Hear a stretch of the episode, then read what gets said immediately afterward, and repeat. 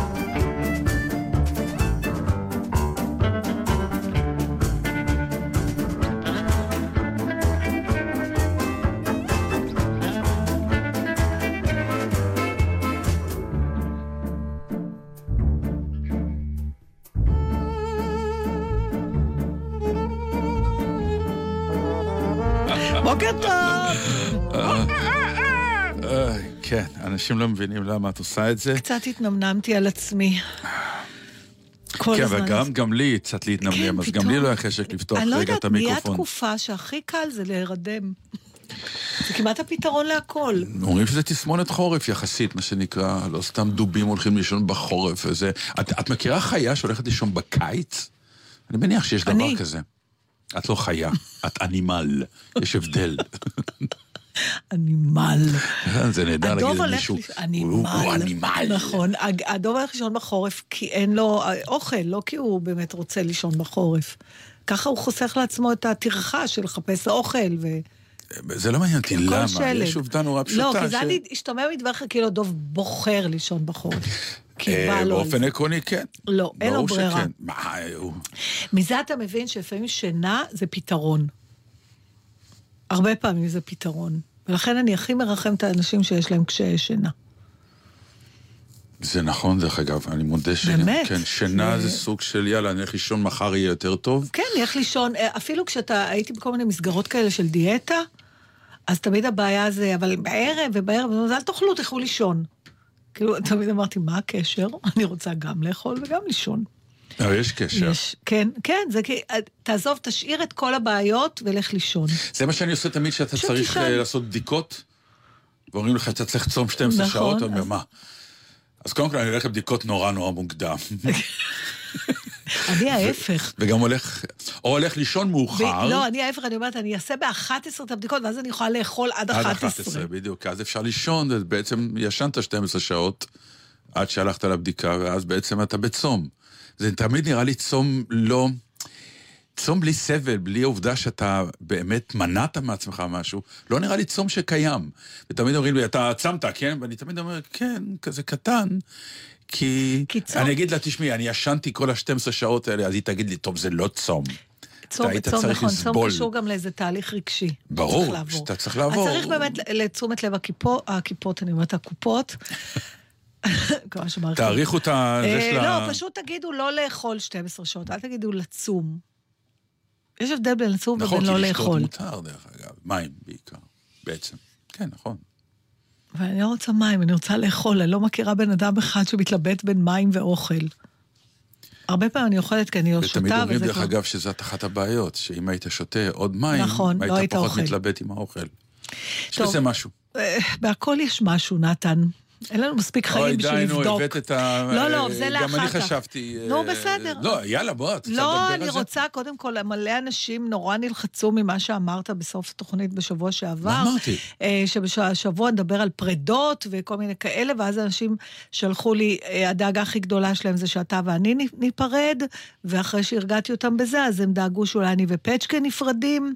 אה, אז אף אחד לא נפרד, חברים, מדובר בי. אף אחד לא דאג שאני וסמדר ניפרד. לא כתבו לי, אולי כתבו לך, אף אחד לא כתב לך? לא, אז לא כנראה שלא דאגו. דרך אגב, לא כותבים לי. אם כתבו, הוא לא ענה. לא ענית. לא כותבים לי, דרך אגב. אתה לא קורא. אתה לא מגיב, אתה לא קורא. אז השאלה זה כמו עם הדוב, האם אני לא קורא בגלל שאני יודע שלא כותבים לי, אז הפסקתי לקרוא? כותבים רק לך, את כאילו המכילה בתוכנית, המקובלת אה, אוהבת אדם. לציבור. אה, קוראים לזה אוהבת אדם, נתן. אני אוהבת אנשים, מעניין אותי מה הם חושבים, מה הם אומרים. האמת שאני גם מאוד. כן, במה זה מתבטא? בזה שאני מנג'ס, תמיד קוראים לי דטנר המראיין, בעיקר במשפחה. מגיע מישהו, תוך שניות, אני עסוק בלשאול אותו את השאלות שכולם רוצים לדעת אבל אם עליו, הוא ואף אחד לא יסמס מעז. לך, אחר כך אתה לא תענה לו. אני לא צריך שהוא יש פה יסמס איזה לי, הוא. אמר, אם, אם הוא ענה לי, אז הוא לא צריך לסמס לי, אני כבר מבין מי הוא ומה. הוא, מה הסיפור. טוב, אז תקשיבו, אז לא נפרדים ולא מפרקים ולא זה. אז אני רוצה לדבר על פרידה אחרת שהייתה אתמול. בבקשה. אה, אתמול הייתה תוכנית, אבל אתה לא רוצה שנספר למאזינים, אז על מה כן התכוונת? הוא בטיזר, הוא רוצה למשוך אותם עוד. לא, לא, הוא כאילו, אנחנו לא מסוכרנים. לא. אה... הוא שכח מזה, כי זה היה הוא שבוע שכח שעבר. מה שאמרת. נכון. זהו, לא, אני לאט לאט אה. רואה בעיניים שלך שאתה לא באמת מצחיק. אה, אז אוקיי, אז בואו נדבר על הפרידה אז הזאת, זה, ואז על- נדבר על הפרידה שרציתי לדבר עכשיו, כי היא כאילו אבל הייתה אתה יותר עכשווית. תזכור? אני אזכור, בטח, אה, תוכנית פרידות, תוכנית פרידות. לא, אין לי בעיה, אתה יודע מה? בוא נתחיל לא, לא, לא, לא. לא, לא, לא, לא, זה לא, זה לא שלי, זה. לא שלי. זה אז של... זה של המקצוע וב- ובכלל. זה נדבר. בוא- בוא נדבר על הפרידה האישית אה, שלה. אז הפר... שזאת פרידה. אה, אה, אוקיי, אז הבת שלי, איך נגדיר את זה? זאת אומרת, זה הולך ככה, ההגדרה, נכון, זה נע היום בין רילוקיישן, אבל אימא שלי הייתה קוראת לזה עברה לגור בין הגויים. זה הרילוקיישן של פעם. איפה הוא חבר לגור עם הגויים? והמצחיק הוא שזה המחשבה שעברה לי בראש, שניסיתי לפענח את מהות הבהלה שהסתובבתי איתה בשבועות שקדמו לנסיעתה. אה, היא פשוט עברה ללמוד במדינה אחרת, וזה אומר שבשש שנים הקרובות כנראה, אלא אם כן יהיו שינויים, אז אנחנו, פתאום יהיה לנו, פתחנו עוד סוגריים. כן. נכון? כן, ספרי לי על האירוע בשדה אה, התעופה. לא, בקיצור, אז- אז- זה לא מתנקז לשם הכל? זה, אז זה, חשבתי שזה יתנקז. אה, כי כמעט באתי. כמעט באת גם לשדה? כן. חמוד. כאילו אמרתי, אבל בסדר, אמרתי, מה אתה... לא, אפילו הייתה התלבטות, אה. אפילו הייתה התלבטות אם בכלל לנסוע, כי זה היה נורא מוקדם בבוקר. אחד אחותה נסעה איתה לימים הראשונים, אז כאילו כבר חלק מהמשפחה נסע. בניגוד לפעם הראשונה שבתי הבכורה טסה לחו"ל, ואם אתה זוכר, גם נפגשנו פה ממש אחרי שהבאתי אותה מהשדה- לשדה, באמת עברנו הרבה פה. כן, אבל דרך אגב, זה... ואז זה- היה לי פחד. אבל זה- זה לא- זה לא טיול. זה לא טיול. זה- לא, בסדר, אבל אני אומרת, אז נסעתי הכי בכיף ללוות אותו לשדה, ואז תפסה אותי הבהלה שם. אבל זה. בעלה של פחד של אני מהרפתקאות לא של אראה טיול. אותה יותר. אני לא יודעת, זה לא היה בכלל אה, משמעותי. זה לא היה מנומק, זה לא היה, זה היה ממש התקף חרדה, שזה פעם אחרונה שאני רואה את הילדה שלי. זה מה שאני זוכרת אז. הפעם, ככל שהתקדם התאריך שבה, היא- שבו היא הייתה אמורה, שהיא נסעה, מהמם. אז אני ממש, זה הפך אותי ברמות שלא אה, התכוננתי אליהם, ממ- ממש אה, גם בהלה וגם אה, חרטה. שלמה על? עודדתי אותה לעשות את זה, ואיך לא, ממ- ממש עד כזה, שלא, והייתי צריכה להגיד לה, עזבי ותתאמצי, וקודם כל אני רוצה להגיד למדינת ישראל שאני שונאת אותך, בגלל שבגללך הבת שלי צריכה ללמוד רפואה במדינה אחרת, כי את כל כך מקשה פה על קבלה ללימודי רפואה, שאנשים טובים כמו הילדה שלי צריכים ללכת לגור בין הגויים, תתביישי לך. זה מה שיש לי להגיד למדינה שלי. ודבר שני, אה, ממש אה, הכי פרימיטיבי, נתן. למרות שאני בטוחה שזו החלטה נכונה, וזה נכון, ויהיה לה נהדר, ויהיה לה כיף, והכל בסדר, אבל היה לי מין, אוח, כזה כמו, כמו של... אה, מהמקום הכי פרימיטיבי של האימהות, של לא לתת לה ללכת, לא לתת לה. להגיד לה, עזבי, עזבי, אני לא רוצה, בוא, בוא נשכח מכל היום. אבל איך מתמודדים עם זה? בולעים את זה? מה, זה לא מחשבות הגיוניות.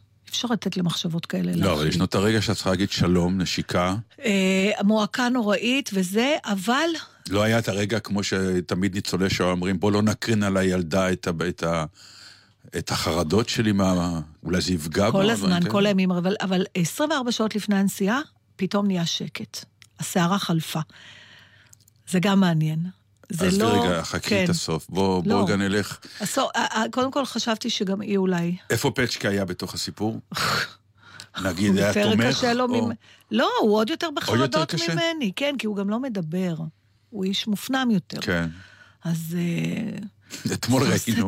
עוד פעם, כן. נורא הצחיק אותי המשפט שאמרת לי, נו, איפה הם? סמדר ופצ', כן, הם תמיד מוצאים להם איזה פינה קטנה כי בצד. במיוחד שניגשו אלינו אנשים, אתמול נתן ואני היינו באיזה אירוע, באיזה הקרנה של סרט, ואז אה, ניגשו אנשים, אוהבים את התוכנית, ומה זה, וישר שניהם בלי תיאום, פצ'קה וסמדר התאדו לתוך כן. ההמון, הם פשוט באמת נמוגים, כמו... לא, הם הלכו הייתי. שם, ראיתי. ראית? הם הלכו הצידה, הם לא נמוגו. הם לא, לא, נמוגים. אבל הם יוצאים מה- מהמרכז. הם יוצאים הם מבינים מהפריים של שהמרכז- הסלפי. מה? הם יוצאים מהפריים של הסלפי. נכון, זה נכון. זה מה שהם עושים. אבל הם לא דיברו ביניהם, זה היה נורא מצחיק. שנינו, כן, חמודים. אה, אה, לא יודעת, לא היה כאילו, נגיד, את העניין, טוב, הוא...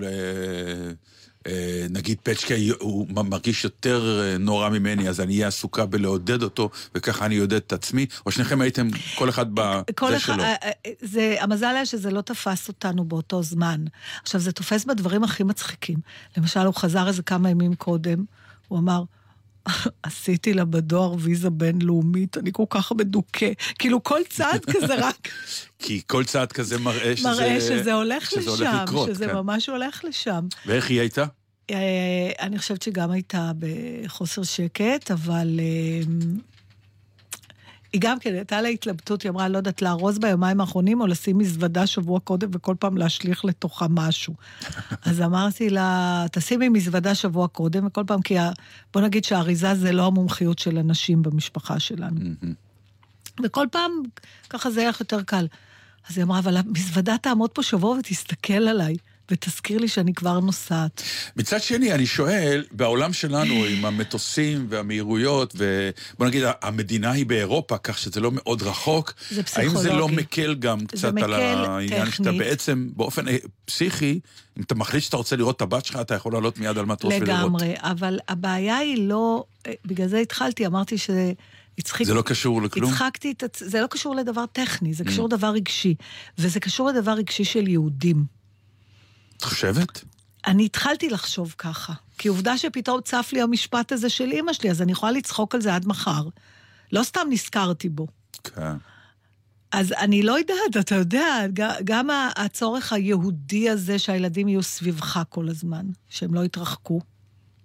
זה צורך יהודי או צורך אמהי? כלומר, למה למה זה גם יהודים? צורך תרבותי, אני לא יודעת, כי יהודים ככה יותר חיים. כי בדיוק מישהו כתב בארצות הברית, זה, לא זוכרת איפה ראיתי, איזה פוסט כזה שהוא אומר, ת- מי שרוצה לגור בארצות הברית, אבל זה לא כזה, זאת אומרת, זה, אפשר, זה כיף לגור פה, אבל לא לגדל פה ילדים. ואז הוא מסביר איך בגיל 18 כל אחד, כל אחד הולך למקום אחר. Mm. לא יודעת, אתה יודע מה, זה כמעט לא רציונלי. תגיד לי אתה, אנחנו פעם דיברנו גם על אפשרות שאחד הילדים שלך יעבור לחו"ל, וגם לא נראית מאושר. לא, לא. יש איזה קושי בזה. עכשיו, למה לא מצחיק, יודעת? כי? אני כאילו ב- בהתחלה אפילו באמת מצאתי את עצמי אולי מעודד את הילד. אני גם חושבת שזה נפלא לגור בחו"ל, הילדים של אחרים. יש כאלה דברים, לפעמים אתה אומר, זה נהדר, זה נהדר, אבל לא כן. שלי. אה, ואני מודה שפתאום אה, לרגע פינטזתי שאכן הסיטואציה קורית, ונכון, מאוד לא התענקתי. לא. אני מוכרח להודות. ומצד שני, ממש לא מצאתי את עצמי אומר לו, אל תיסע. לא, כן, גם אני לא אמרתי אל תיסעי. אבל בלב, משהו בי צעק. האם הם מעריכים את זה שאנחנו סובלים כל כך בגללם? אנחנו- למה שהם יעריכו בעצם? זה לא, צריכים. אנחנו, אנחנו לא האישו. תראה, אנחנו באיזשהו שלב הופכים להיות האישו. נכון, אני אגיד לך בדיוק מתי. בגיל שהם מתחילים לדאוג לנו, ולא אנחנו בגיל להם. שאתה ינזל לך ריר בכל נכון. מיני מקומות, אז נהיה אישו. יפה. נכון, השאלה, למה רק נקמה? עד אז? למה רק אז? ככה, כי זה לא מעגלי, זה ליניארי. יש הורים שלא מקבלים את זה. אה, מאיזה בחינה, מה הם עושים? מבחינה זה, לא, אני יודע, מבחינה זאת ש... הם ידאגו לילדים שלהם, זה ליניארי, זה לא מעגלי, לא, לא הכל אני- חוזר. ניהלנו איזו שיחה אה, ממש אה, שבוע שעבר, ובאיזשהו שלב הגענו באמת לבדיקה, האם אתה מדבר, נגיד, עם הבת שלך בטלפון, במשך השבוע, האם אתה מדבר איתה, האם אתם מסמסים, אז הייתי עצמי לך, לא, כי אני לא רוצה להיות נודניק נכון. ששואל, ו... כלומר, ויש כן את ההורים שעסוקים בזה, ביום. מה שנקרא, ו... אה, והילדים גם רוצים את זה. זאת השאלה, אני לא הילדים, יודע. אני אגיד לך משהו שאני לא מבססת אותו על שום מחקר, זה בתחושה שלי משיחות עם אנשים. 90 אחוז מה, מהדבר הזה, או אפילו יותר, הוא תכתיב של הילדים. אם הילדים רוצים, את, הם ידברו איתך, אתה תדבר איתם שלוש פעמים ביום. אם הם לא רוצים, אתה לא תדבר איתם. כלומר, ופה מה שנקרא, נכנס המ- נשאר עם ה- המשפט, נו, הם לא מתקשרים אליי אף פעם. תמיד אני זו שצריכה נכון. להתקשר אליהם. נכון? כן? כן. תלוי מה הם רוצים. אבל זה משפט עם עלבון, כאילו, שאומר, נו, גידלתי, גידלתי, גידלתי, ועכשיו הם זרקו אותי, ואם אני לא מתקשרת אל הבן או הבת שלי, אז אני לא אשמע מהם. אין דבר יותר מעליב מילדים. אין מישהו בעולם שמעליב אותי יותר מהילדות שלי. אז לא לעשות ילדים. לעשות. ולהבין, להיעלב או לא להיעלב, להבין שזה לא מעגלי. זאת אומרת, זה לא אתה נותן ומיד מקבל. מעגלי זה לא בדיוק המילה הנכונה, זה? לא, זה לא שוויוני. כלומר, זה שאתה תיתן, זה לא בהכרח מה שתקבל. לא מהם, אבל אתה קיבלת מהוריך. זאת אומרת, אתה אמור להעביר את זה, כמו שאתה איתם, הם אמורים להיות עם הילדים שלהם, הם, הם לא אמורים להיות איתך כמו שאתה איתם. אבל אני כן הייתי נחמד להורים שלי. נכון, הם באמת לא נחמדים אלינו, כי ההורים שלנו נתנו לנו להרגיש אשמים. אנחנו לא מספיק נותנים להם להרגיש אשמים. אה. אשמה זה מחולל חיבה גדול מאוד. אני לא בטוחה לגבי החיבה, זה לא מחולל חיבה, אה, מחולל תשומת לב, אינטראקציה, כן. נכון. זה מחולל. אמא שלי תמיד השאירה אותי על איזה אש קטנה של אשמה. שאני כל הזמן ארגיש שיש משהו לא לגמרי בסדר, זה לא צריך להיות משהו ספציפי. עשיתי... בהצגה שביימתי עכשיו, יש זוג שלא רוצה לעשות ספוילר, אבל שחי על כל מיני אה, דברים שהם שרק שניהם יודעים על איזה סוד, Mm. ואז באמת, אה, באיזשהו שלב היא אומרת, והסוד גורם לרגשי אשמה, ואז המשפט, רג, אה, רגש אשמה הוא הסופר גלו הכי גדול בזוגיות. כן, אבל אנחנו לא רוצים להעביר את זה לילדים שלנו, אז, אבל צריך להבין שבתמורה אתה, אתה קצת מובן מאליו. זה בריאות. אתה רוצה ילד בריא, או שאתה רוצה שלך יהיה כיף? אל תענה לי, אני רואה את התשובה. אני רוצה לקרוא לך... את רוצה שיר? אה, לא, חברים, הבת שלי לא לומדת רפואה בקרואטיה, אני צריכה לקבל עכשיו כל מיני אס.אם.אסים. אנחנו לא. אה, אני כן רוצה, אתה יודע, מתחילה עוד שאלה גם. לא יעזור. יש, יש לימודי רפואה בקרואטיה? כן? כן, אני כן, לא יודעת, ברור, יש להם שלא- רופאים, לא אז התשובה היא כן. לא אני יודעת, שלא מתכוון מכירים שבאים בהם. סטודנטים ולומדים סביר באיזה להניח ברור, שפה. כן, כן. מאוד. על- באנגלית אולי, או לא יודעת. אה, אני, אני רוצה להגיד שגם יש את העניין הזה, שכשיש נסיעות משמעותיות, אה, לא שקופצים לשבוע לשבועיים, אלא באמת, כן. אה, כמו נסיעה גדולה לחו"ל, או כמו בזמנו שהם עשו לפולין, או עכשיו, אז אתה רוצה לכתוב משהו. עכשיו, אני, כל הדאגה שלי מתנקזת למתנות אידיוטיות, סימבוליות. אתה יודע, כל מיני איזה דברים, להראות את ה... את ה ש... כאילו להביא לידי ביטוי את התחושה שלי שזה... מתנות שאת קונת למי? קונה לא? לילדה הנוסעת, או למי שנוסע, זה לא חייב להיות הילדה. אמרתי קונת. אין דבר. אני הבנתי שהתכוונתי. התגברנו. נכון. לא, אבל אני לא התגברתי על זה בשניות. אני קונאת. האמת שבנסיעות כאלה. עצובות, אז, אז אני קונאת. לא יש קונה. קניות ואת קונת, נכון. כן, את לא קונה. נכון. בקיצור, אז אה, גם רציתי לכתוב לה משהו, בצירוף לזה, וכל מה שאתה כותב, הכל תמיד נשמע קיץ', ו, והרבה פעמים דיברנו על זה שיש אנשים שכבר כתבו, אז למה לא פשוט לצטט אותם? נכון? אם אתה מוצא שיר או משהו שמישהו כתב, שהוא בדיוק בדיוק מתאר את מה שאתה מרגיש, אז למה להתאמץ? זה מעניין דרך אגב, אבל ברגעים קשים שאנשים עושים את זה, זה לא תמיד עובד עליי, אני מוכרח להודות. מה אתה אומר? כן. נגיד בלוויות. או דברים כאלה, או כן. בחתונות, ל- תמיד כן. לוויה וחתונה משום מה מתחבר תמיד. כן. ביחד. כשמישהו פתאום אומר כמו כמאמר השיר, ואז הוא מקריא אותו, וואי, איך אנחנו, אני אני נורא ממש... אוהבת את הדבר אני, הזה. לא, אותי זה מרחיק. עזוב אותך, דבר, דבר, זה הרגע שאתה צריך לדבר. באמת? כן. ואיך אה, כשאתה צריך לדבר, אתה לא... אני לא.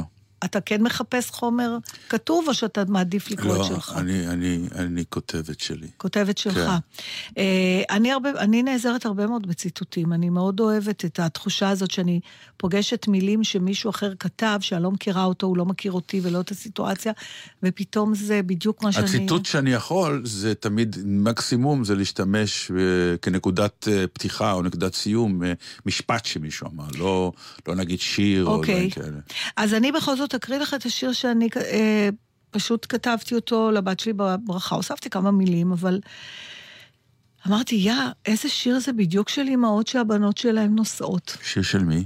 קוראים לה יעל קלו מור. אה, פעם, פעם קראנו שיר אחר שלה, אם אתה זוכר, תשליך. באיזה כן. יש. יש לה את ה... יש לה. כותבת הרבה לנשים. מהמם. אני לא יודעת למי, על מי היא חשבה כשהיא כתבה את השיר הזה, אבל מבחינתי היא בטוח חשבה על, ה, על הבת שלי שנסעה. בטח על הבת הספציפית הזאת, ותקשיב ותראה איך זה מתאים לה. מהמם. אתה שומע? זה הולך ככה, לשיר קוראים צ'קליסט. בדקת שלקחת איתך הכל? את מי שאת היום, את מה שאת יודעת על עצמך, את מניפת גוונייך. בדקת שלקחת איתך הכל? את נדיבות נפשך, את מצפן ליבך, את סימון גבולותייך, את כנפייך.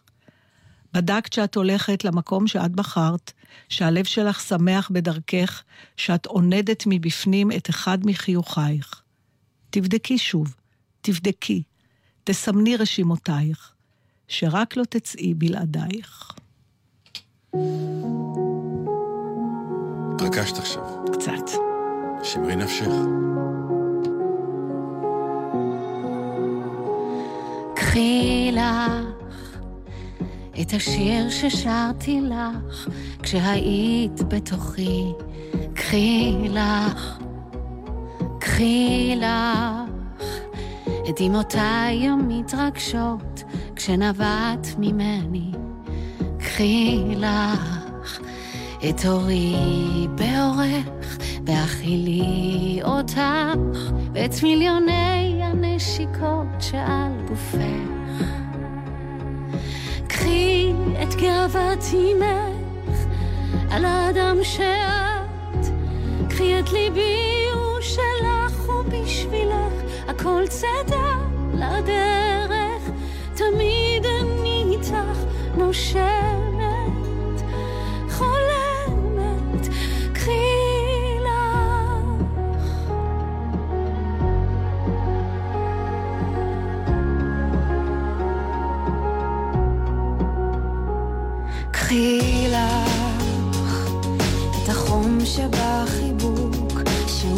שלנו.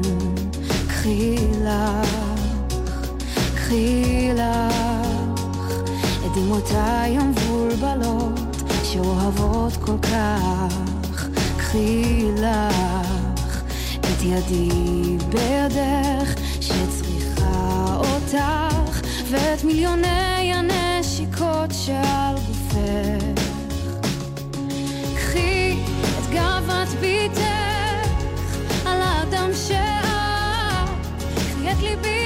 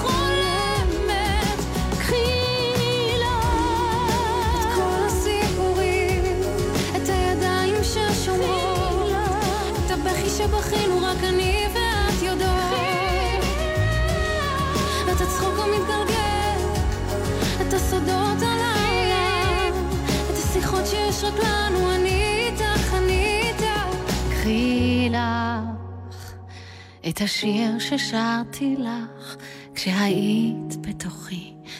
קחי לך. לא, לא, עוד פרידה, לא, עוד פרידה. עוד, עוד פרידה.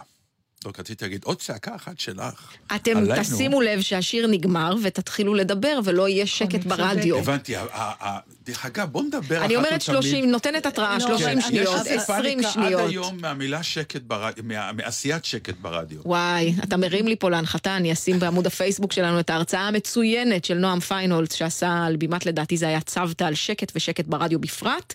12 דקות של פאר, תראו את זה. אבל אה, כן, המאזינים חושבים שקרה משהו אם יש שקט ברדיו. אבל. זה ברור. אם קרה משהו, סימן אי שקורה אפשר משהו. שקט ברדיו. זה כמו חושך בטלוויזיה. רדיו זה מדיה שמתבססת על אנחנו- השמיעה. ברור, נו, את לא לא, צריכה אל תגיד לי להסביר, רק ברור, אני עוד אומר... מישהו עכשיו שעלית פה לאיזה קונספט. לא עליתי על שום קונספט. אני היום אומר- נורא מסוכן, יש המון דברים נורא מהפכניים, אני כבר רואה את התוכנית בין שתיים לשלוש ש- שקט. בואי, אני עכשיו אגיד לך משהו. בואי נעשה עשר שניות שקט ותראי שהכל יהיה בסדר. בכלל בחיים? עכשיו, כרגע. למה? אבל לא משלמים לך בשביל שתשתוק פה? לא, אבל גם שקט זה סוג של אמירה. אה, זה לא, זה כן. זה לא. כדאי- לפעמים כדאי שאנחנו נשתוק. לא ברדיו. גם, לפעמים אנחנו אומרים שטויות שאחר כך אנחנו מצטערים אה, עליהן. זה נכון. אז אז לא. אולי רק אני אדבר. אה, כאילו, אני האיש, אני הבעיה. אני לא אמרתי כן, כלום. נו טוב. אז אה, ענבל, הפרידה, כפי אוקיי. שאת רואה, אני ונתן משוחחים בינינו, גם כשיש שיר. כי בעצם, אנחנו פה כי אנחנו מעניינים אחת את השני. אתם אז חושבים לפעמים שלי יש אנחנו לא בעיה עם שמים זה. לב שהשיר שלך נגמר. הכל בסדר, גם אני חלק מהשיחה, וזה כיף גדול והכל נהדר, אבל מה אשמים המאזינים? הם לא אשמים, הם איתנו, גם שקט זה, גם כן, את יודעת, נו, מה, השקט, מי השקט, נפרד? שזוג יוצא פעם ראשונה, רק שלא יהיה שקט, אז הגבר תמיד אומר כל מיני שטויות, רק כדי שלא יהיה שקט, ואז האישה מסתכלת ואומרת, מסכן. דווקא מה לא הוא תמיד הגבר. מפטפט את עצמו למוות. דווקא אני, נגיד, יותר זאת שמפחדת משקט, אז אני אדבר זה, עד הסוף. אה, כן. כן, את כן. כן, את כן. זה לא תמיד הגבר. לא, אני מדבר בפגישות אינטימיות, לא גבר כזן. אמ, איזה איזה פרידה הייתה אתמול? אתמול הייתה פרידה מאושייה גדולה, אה, גדולה באמת, מה שנקרא ירון לונדון. Mm. אה, זו הייתה התוכנית האחרונה שלו אתמול.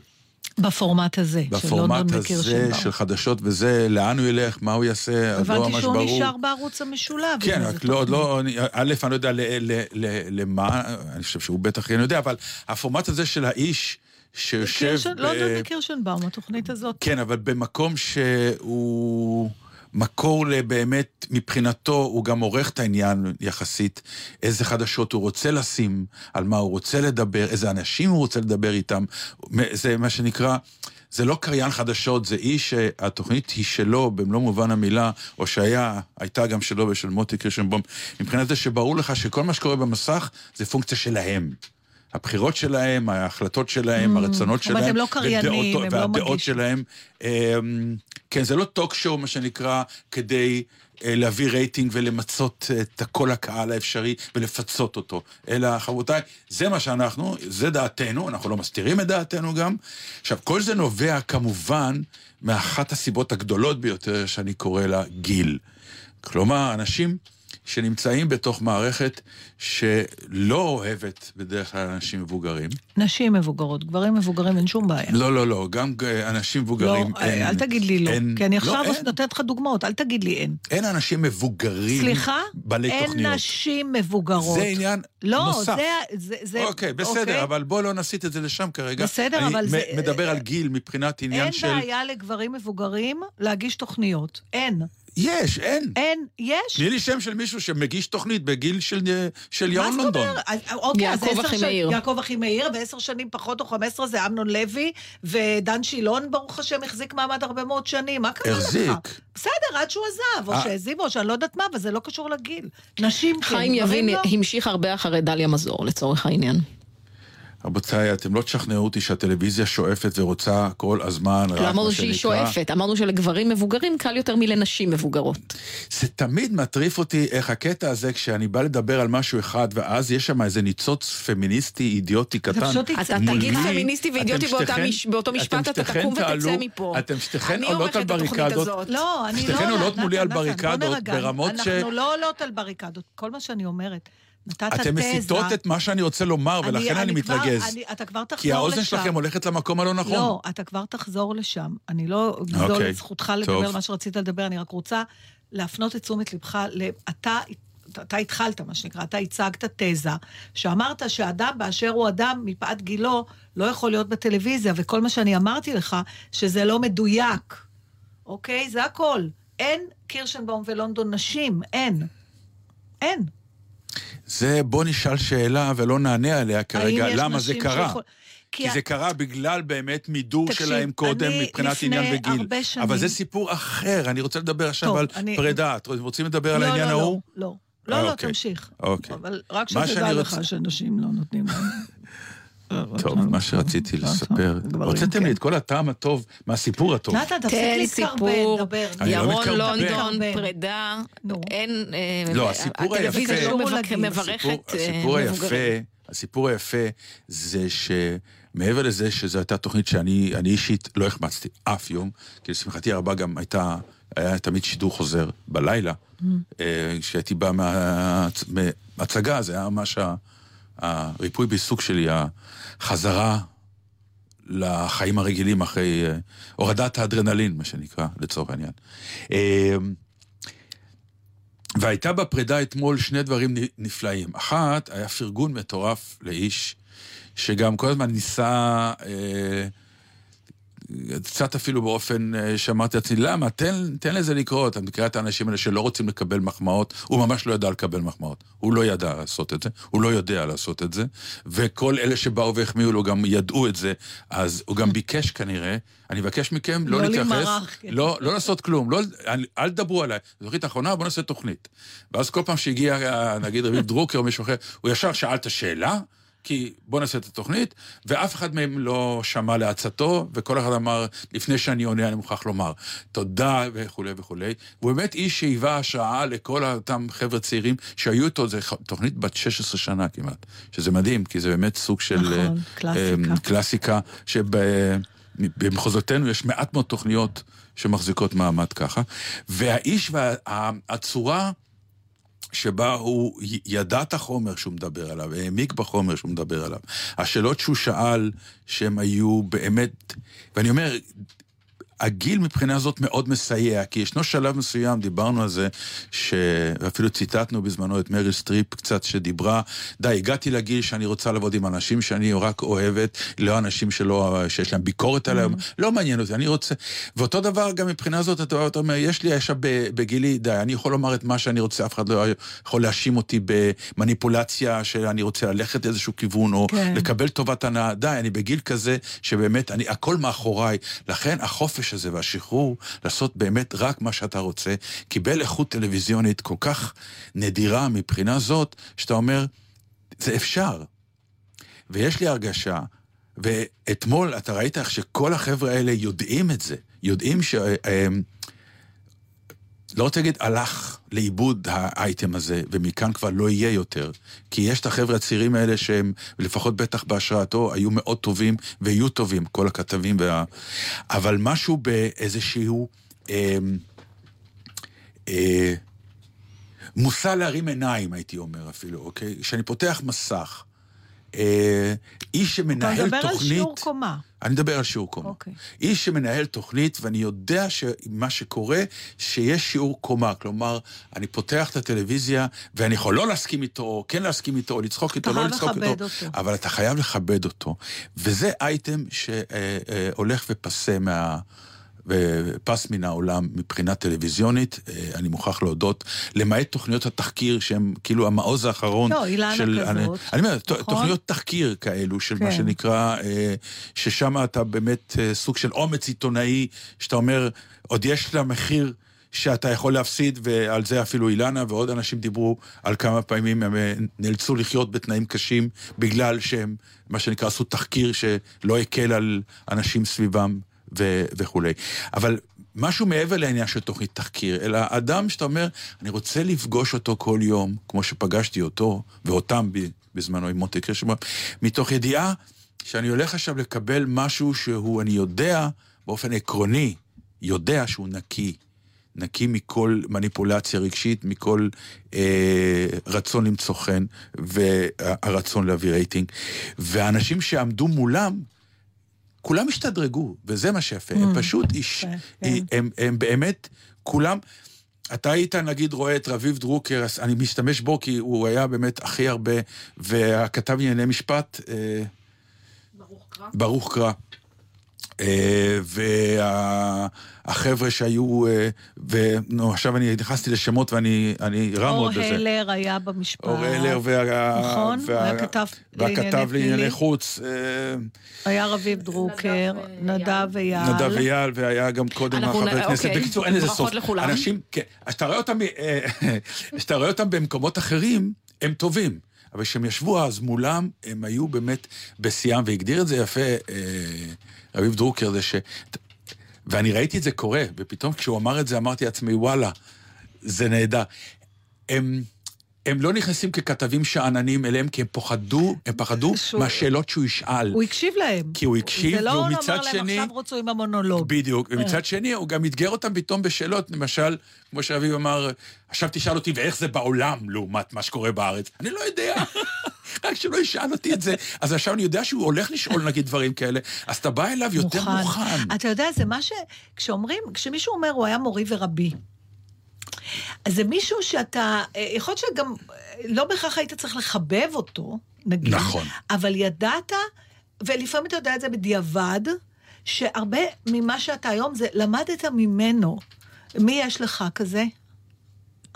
גרי, היית אומר שגרי בילו היה כזה, בעניין של תיאטרון? בעניין של תיאטרון, אה, כן, גרי היה שלב שהוא היה סוג של אורים ותומים, ואז גם היה בגלל זה משבר גדול עם האיש, כן, זאת אומרת, היחסים האישיים היו לא פשוטים, והיו פעמים בגלל- שכעסת ורבת. בגלל שהוא היה אורים ותומים, כן, כי כל מילה שלו, מבחינתי, הייתה שווה עשר מילים של מישהו אחר. אבל, אבל זה יכול להיות גם ביחסי מרות. זה לא בהכרח אומר, כשאומר אומר על מישהו, היה מורי ורבי, הכוונה היה שגם האמנתי בו וגם הוא לימד אותי. זאת אומרת שהוא הוא נתן לי את, ה, את הידע שאיתו אני מת... שלקחתי אותו וממנו אני מתפתח. זה לא רק עניין של אה, לפחד ממה הוא יגיד, אלא באמת, תשמע, אתה יודע, לפעמים זה ביותר בקטן, זה לא חייב להיות מישהו ממש, אבל אני יכולה להגיד לך שלמשל, חלק מאוד מאוד גדול מ- מהכיוון שהתפתח, מה שהיום הסטנדאפ שלי, אה, לקוח לגמרי מיאיר גרבוז, נגיד, שאני יכולה בפה מלא לומר שהוא מורי ורבי במובן של, של איך לספר סיפור, באופן הומוריסטי. כמובן שזה עניין של טעם, וכמובן שיבואו ויתווכחו איתי, אבל בשבילי, אני ממש למדתי ממנו. למדתי ממנו איך הדרך יותר חשובה מה, מהיעד. הפאנץ', אנחנו חייבים להגיע אליו בסוף, אבל הדרך חשובה לא פחות. זאת אומרת, לא צריך ישר לרוץ מפאנץ' לפאנץ', אלא גם התיאור של מה קורה לך בדרך.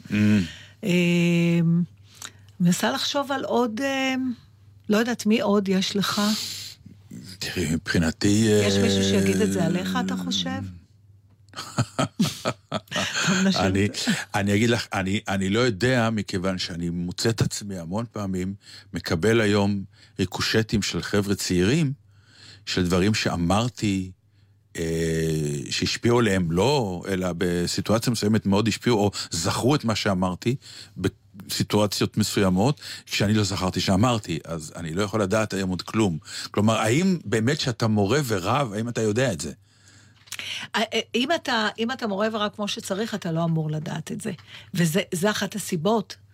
זאת אומרת, אתה מה שאתה, זה כמו מגדלור. המגדלור לא מתעסק ב, אם הוא יודע שהוא מאיר או לא, הוא פשוט מאיר, זה מה שהוא. אתה מבין? אז אולי בגלל זה הוא הספינות יודעות לא- שהן צריכות להתכוונן לפיו. זה היופי בדבר הזה. ולכן, כש, כשהכול תקין, אז כל דור מצמיח מישהו כזה. ש... בעצם קוראים לזה להעביר את הידע, להעביר את מה שאתה, וזה תמיד צריך להיות בן אדם שכמו שאתה סיפרת שהכתבים, הם ידעו שירון לונדון, אה, הם לא יכולים למכור לו בולשיט. נכון. כי הוא משכיל, כי הוא דעתן, וכי אין לו, כי, וכי הוא מקשיב. זה שלושה, שלוש תכונות שאי אפשר לברוח. וארבע, אין לו בעיה אות- להביע את אה, דעתו ואת שאלתו, את זה. זה כמו שאתה אומר על גרי, לקבל ממנו מילה טובה, זה המתנה הכי נפלאה. נכון. ואתה צריך לעמוד בסטנדרט, הוא לא יוריד את הסטנדרט שלו בשבילך. אתה צריך לעלות אליו, ואז על הדרך זה גם מעשיר אותך. עכשיו, מה שיפה בעיניי בבן אדם כמו ירון לונדון, אה, שהוא לא... הוא לא עושה את זה בתוך מחשבה. עכשיו, תראה, הוא הרבה פעמים, לדעתי הוא איש לא נעים בהכרח. כלומר, אתה רואה, כן, יש אנחנו לו... לא מתעסקים בזה, לא, נכון. זה, זה בדיוק העניין, זה כן, בכלל לא משנה. זה לא משנה, כן. הוא מה שהוא, אה, הוא כמו באר כזאת, ואם יש לך שכל, אתה תבוא ותשאב את המים משם, אבל אתה תבוא עם דליים בלי חורים, כי הוא יראה והוא לא ייתן לך את המים האלה. אז משהו באינטראקציה הזאת עם מישהו שהוא מעליך, ושאתה מתמסר ולוקח, אבל גם תעביר את זה הלאה, כשזה ממשיך, זה יוצר איזה רצף אה, דורי שהוא נפלא, ואז אתה מקבל מין... אתה יודע, רצף של אנשים חכמים, שזה מה שהיו אומרים פעם על יהודים. שאתה לא סתם אתה הולך ולומד מהרב, כן. ואז אתה...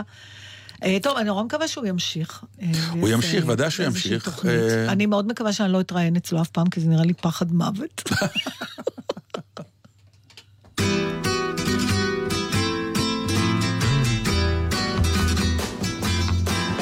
לו הייתי פיראט בת מלכה, לו היית שהמלח יבש בעיניה.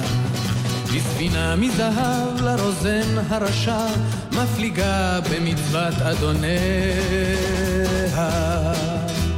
לו הייתי פיראט על שבעת הימים, לבקשך בספינה אז יצאתי, ובקו המשווה באים החמים, לך מיטה של פרחי בר הצעתי,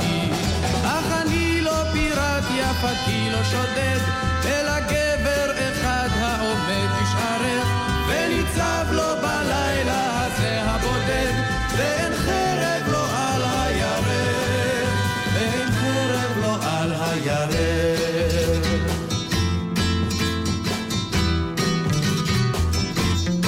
לו הייתי פיראט, לו הייתי פיראט, בספינה אדומת ירכתיים.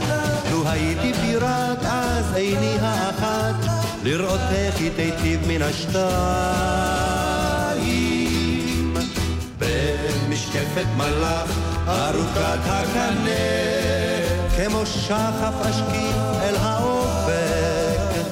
וחרטום אז אשלח בעקבות הרוחות, ודמי יתנפץ אל הדופק. לא פיראט יפתי לא שודד, אלא גבר אחד העומד בשערך, וניצב לו בלילה הזה הבודד, ואין חרב לו על הירך, ואין חרב לו על הירך. אל הקרב, אל הקרב, ספינתי אז תקרב, וספינה בספינה תתנגח. או יטבע כל הצי, או יגיע קצי, וחרבי בליבות הרוגיה. אז בבגד פרום אגנבך אל העיר, שאף איש בחופו לא ירד עוד. וישבע מן הרום כל הצוות הטוב, וישיר יפתי סרנדות.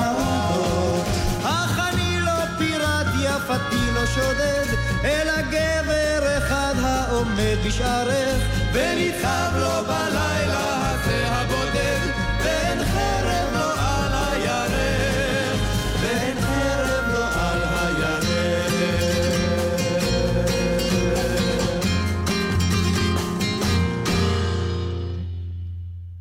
הנה, הנה, הבנו שזה נגמר. איזה יופי, רק שנבהיר, לו הייתי פיראט זה שיר שאת מילותיו כתב ירון לונדון. אה, אז אתמול בפגישתי עם אה, נתן, אז הוא החזיק ביד שקית קטנה, וכששאלתי מה יש לו בשקית, אז הוא רצה, הוא פתח את הפה לענות, ואז הוא אמר, אה, לא יודע, זה... אולי אספר לך בתוכנית. אמרתי לו, בסדר. הוא אמר, לא, את יודעת מה, אני אספר לך עכשיו, כי מדובר באיזו השפלה קטנה. אמרתי, אוי, השפלה? בואו נשמור לתוכנית. לא יודע, זהו, ואחר כך, אה, איך אומרים? אז עכשיו הוא אמר, זו השפלה קטנה? אמרתי, אל תדאג, נגדיל לך אותה. כמו הרבה תוכניות אה, בטלוויזיה, הפרומואים נראים יותר טוב מה- מהפרק עצמו. אני אחליט. אה, אז הפרומו היה מצוין, אה, הסיפור הוא הרבה פחות, אה, דרמטי. הרבה פחות דרמטי. אוי, יש, אבל אני- הצלחנו אני- להעביר 50 דקות מהתוכנית בלי להגיד את המילה דרמטי, אז כבר אנחנו. מילה לא, לא תשמעו מאיתנו על ה... אתם פשוט לא אומרים, אתם עושים דרמטי. נו, לא, השקט, הנה מה שאת ראי, השקט הזה זה הייתה לו איטי. אמירה נכון. חזקה, לא צריך להכביר מילים. נו, אז- לשקט יש תפקיד. אה, זה גם בעיה של גיל. מה? זה התחיל מזה שנוצרו שלושה כתמים נורא גדולים באחד הבגדים שלי, באחד החולצות. כן. ואז ביקשתי מסמדר איך אנחנו יכולים להוריד את זה. אז היא אמרה, תשמע, אה, אני אנסה להוריד את זה. היא ניסתה וזה לא ירד. אמרתי לה, זה לא ירד, למה את... אז היא אמרה, תשמע, לכתמים יש איזה כתם ישן. נכון. לקח לו זמן, הוא... איך כבר אומרים? התקבע. הוא התקבע. נכון. אה, זהו, ואז אתמול לפני שהלכנו, הלכנו, אה, לפני שהלכנו לראות את, ה, את הסרט, הלכנו לאכול משהו, ואני מוכרח להודות ש... אני מזיל. לכלכת עוד פעם? כן, מסתבר, עכשיו, אני יודע, איזה השפלה, אני כבר אוכל מתוך ידיעה שאני יודע שמשהו, זה תמיד נגמר לי על החולצה, איזה מביך זה. למה אתה דוחף יותר מדי? אני לא יודע מה אני עושה. אם הייתי יודע מה אני עושה, לא היו כתמים. אני אסתכל היום אני- כשאתה אוכל אז- ואני אגיד אז- לך איפה הבעיה. אבל עוד פעם, כל גם- מיני מעילים יפים וכל מיני דברים טובים. אז למה אתה לא מוסר ניקוי יבש?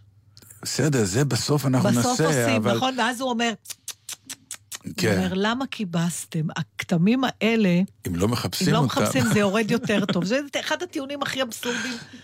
אבל שוב, לניקוי יבש אתה גם אוגר, אתה לא כל יום הולך, אתה אוגר, אוגר, אוגר, אוגר, ואז אתה בא עם חבילה, הרי אין... מה הם עושים שם שזה כן מוריד את הכתם? לא יודע, אבל יש לי עכשיו משהו בבית שמוכרים עכשיו, זה סוג של אה, אה, מנקה עם עדים. הרי זה מה שנקרא ניקוי יבש באופן עקרוני, לא? אה, כל לא. ה- כל הביטוי היא לא. הזה, ניקוי יבש, ניקוי יבש הוא מבוסס. כימיקלים, זה תרכובת מסוימת. והכימיקלים אה, האלה מותזים על הבגד עם פשוט- עדים, לא? לאו דווקא. אשכרה חומר כימי כן. עליהם? כן. תראה, מה זה עדים? אתה חושב פשוט על עדים של מים, כן. ואז זה כבר לא יבש, זה מים. מה אתה מבין? עדים של מים, כשהם נוג- נוגעים לך בבגד, זה נהיה מים. צירוף המילים ניקוי יבש, הוא לא הגיוני הוא בעיניי. לא כן. הגיוני. לא, אף פעם הוא לא היה נכון, הגיוני בעיניי. הוא לא הגיוני. הנה, עובדה עד היום, אני כמו אידיוט שואל מה עושים שם. נכון, אף אחד לא יודע. אף אחד לא יודע. זה אחד הסודות, זה זה לא סתם כן. שהמכונה מאחורה. זה סוכנויות האיש ריגול בכלל. נכון. זה כולם מרגלים מכל מיני ארצות, והקאבר הוא... אני חושבת שהם פשוט קונים לך ניקוי בגד. יבש. תהליך של ניקוי, ניקוי בג- בגדים או בדים המתבסס על ניקוי בעזרת ממס אורגני, הוא במקום מים. לא מים, זה מה שיש שם.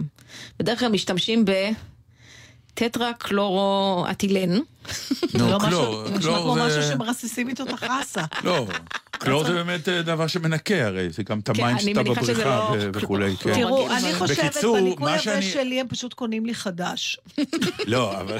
לדעתי. אז מה שקרה, זה... ועכשיו, באמת, זה מתחיל להיות פתטי וכאילו קצת גריאטרי. כן. אה, ועכשיו tell אכלתי... me more.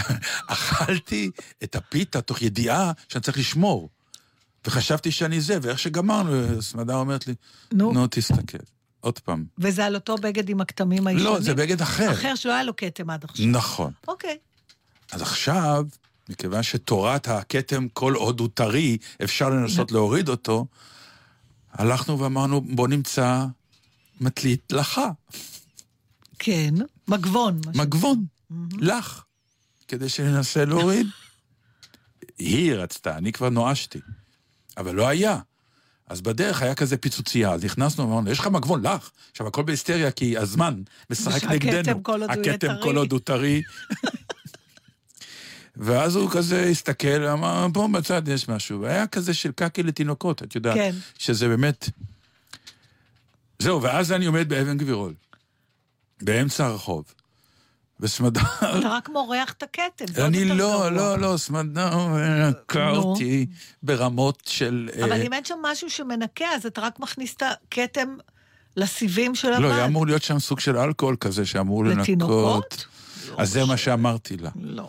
אמרתי לה, תשמעי, זה של תינוקות, היא אמרה, זה מה יש, זה מה היה. מוכרחים להוריד את הכתם ומהר.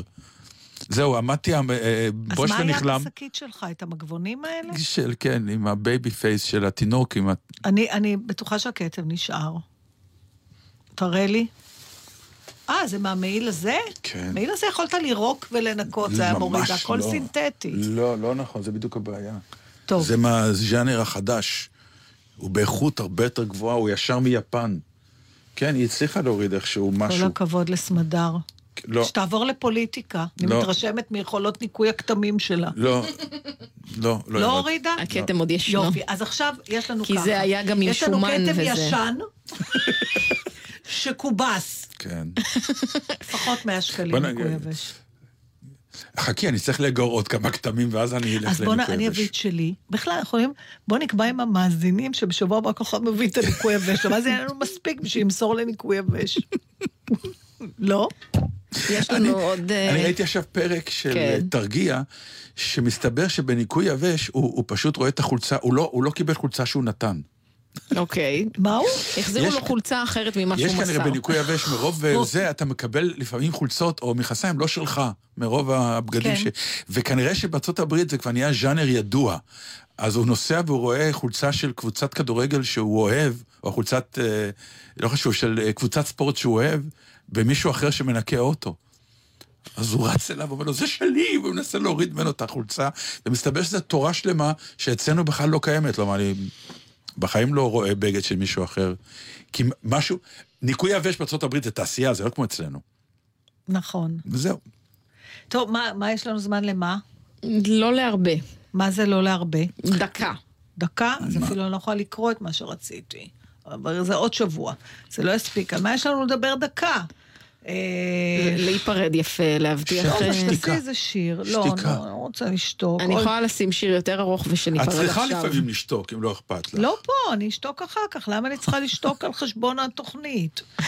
אני מנסה לחשוב אם... זה לא על חשבון התוכנית. וכך עברה זה חצי דקה, אז אפשר. להיפרד. אני. נגד שתיקות. בלאו הכי חיים נורא מעט, ואחר כך רוב, רוב הקיום שלך בתור מת אתה שותק. אז אני לא מבינה למה צריך לשתוק גם בשנים שחיים. כי כמו שאמר מי שאמר, כל יש דברים שאתה לא יכול להצטער עליהם אם לא אמרת אותם. אני לא יודעת, לא, לא מבינה את זה. בלאו הכי אנשים שוכחים. מה שמזכיר לי שקראתי פעם, זה ראיון עם איזה סופר סיני, ששינה את שמו למדבר יותר מדי. זה היה הפירוש של השם שלו. כי הוא החליט שהוא דיבר יותר מדי, ואז הוא... טוב, הסינים כי האלה. זה סינים, כן. אה, אף פעם הם לא היו, כלומר, הם תמיד היו אחרים. תודה ושלום. שבת שלום. זהו, זה עברה דקה? כן. צ'י, איך אנחנו טובים רואה בל- איך זה עבר? ללהג סתם. ו...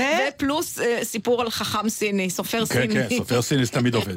אז בואו אני אקרא לכם ממש לסיום את מה ששלח לי דוקטור קיסר המתוק. הוא אומר ככה, כשאני לא הייתי מתקשר לאמי לאחר יום של אי התקשרות, היא הייתה אומרת, דו לעבסט, כי אתה חי. אתה חי, כן. לעומת זאת, כשאימא של חבר שלו, אה, שאני לא יודעת אם הוא מוכן שאני אגיד את שמו, אז אני לא אגיד, הייתה מתקשרת אליו ושואלת, מה נשמע? טוב, אמא היה עונה, ואז הייתה אומרת, טוב שלמישהו טוב. כן, זה משפט שאני והוא זוכר. העיר לנו שיש לומר פרידה ולא פרידה. אז פרידה טובה לנו עד שבוע הבא. פרידה? זה מה שאומר דוקטור קיסר. פרידה, פשוט אה, זה עם יוד כותבים את זה, אם רוצים פרידה, לכתיב מלא. נכון? אני לא יכולה להגיד פרידה. זה פרידה. כמו... פרידה? זה פרידה, ודאי. ודאי. אוקיי. תודה אז תודה למאיה לכולכם. נויפלד, הטכנאית שלנו. משפחת נויפלד. שבת שלום.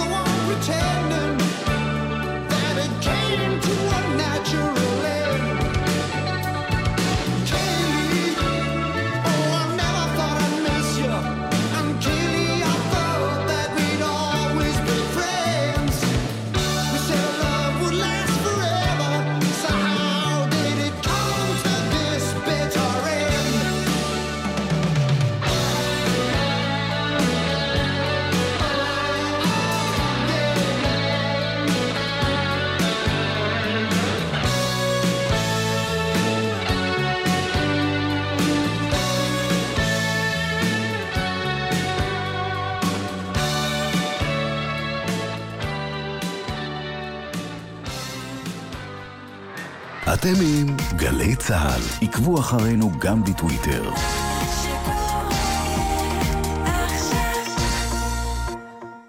הורים יקרים שלום, מדבר יוסי בן שמחון, ראש ענף הבטיחות בדרכים בצה"ל. במשך כל השבוע אנחנו מתאמצים לשמור על הבנים והבנות שלכם, כי בטיחותם חשובה לנו. סוף השבוע בפתח והם בדרכם הביתה. הם יצאו לבלות, להתאוורר, לנקות את הראש, ואנו מבקשים מכם לעזור להם לעבור את זה בבטחה כדי שיוכלו ליהנות גם בשבוע הבא.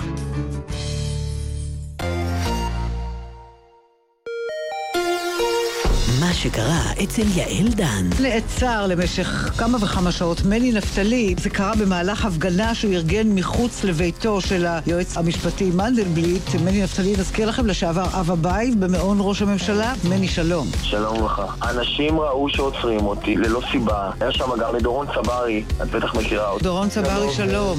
היי, מה ראית שם? זה משום מקום, וגוררים אותו לתחנה, ומורידים אותו לרצפה, ומכות רצח, וברכיות, אלימות בלי הסבר. תפחד שוב להפגין בהפגנה כזאת? אני לא מפחד מכלום, מכיוון שאין לי גם מה להפסיד. הם לקחו לי את הפת לחם האחרונה שלי. יעל דן, גם ביישומון של גל"צ.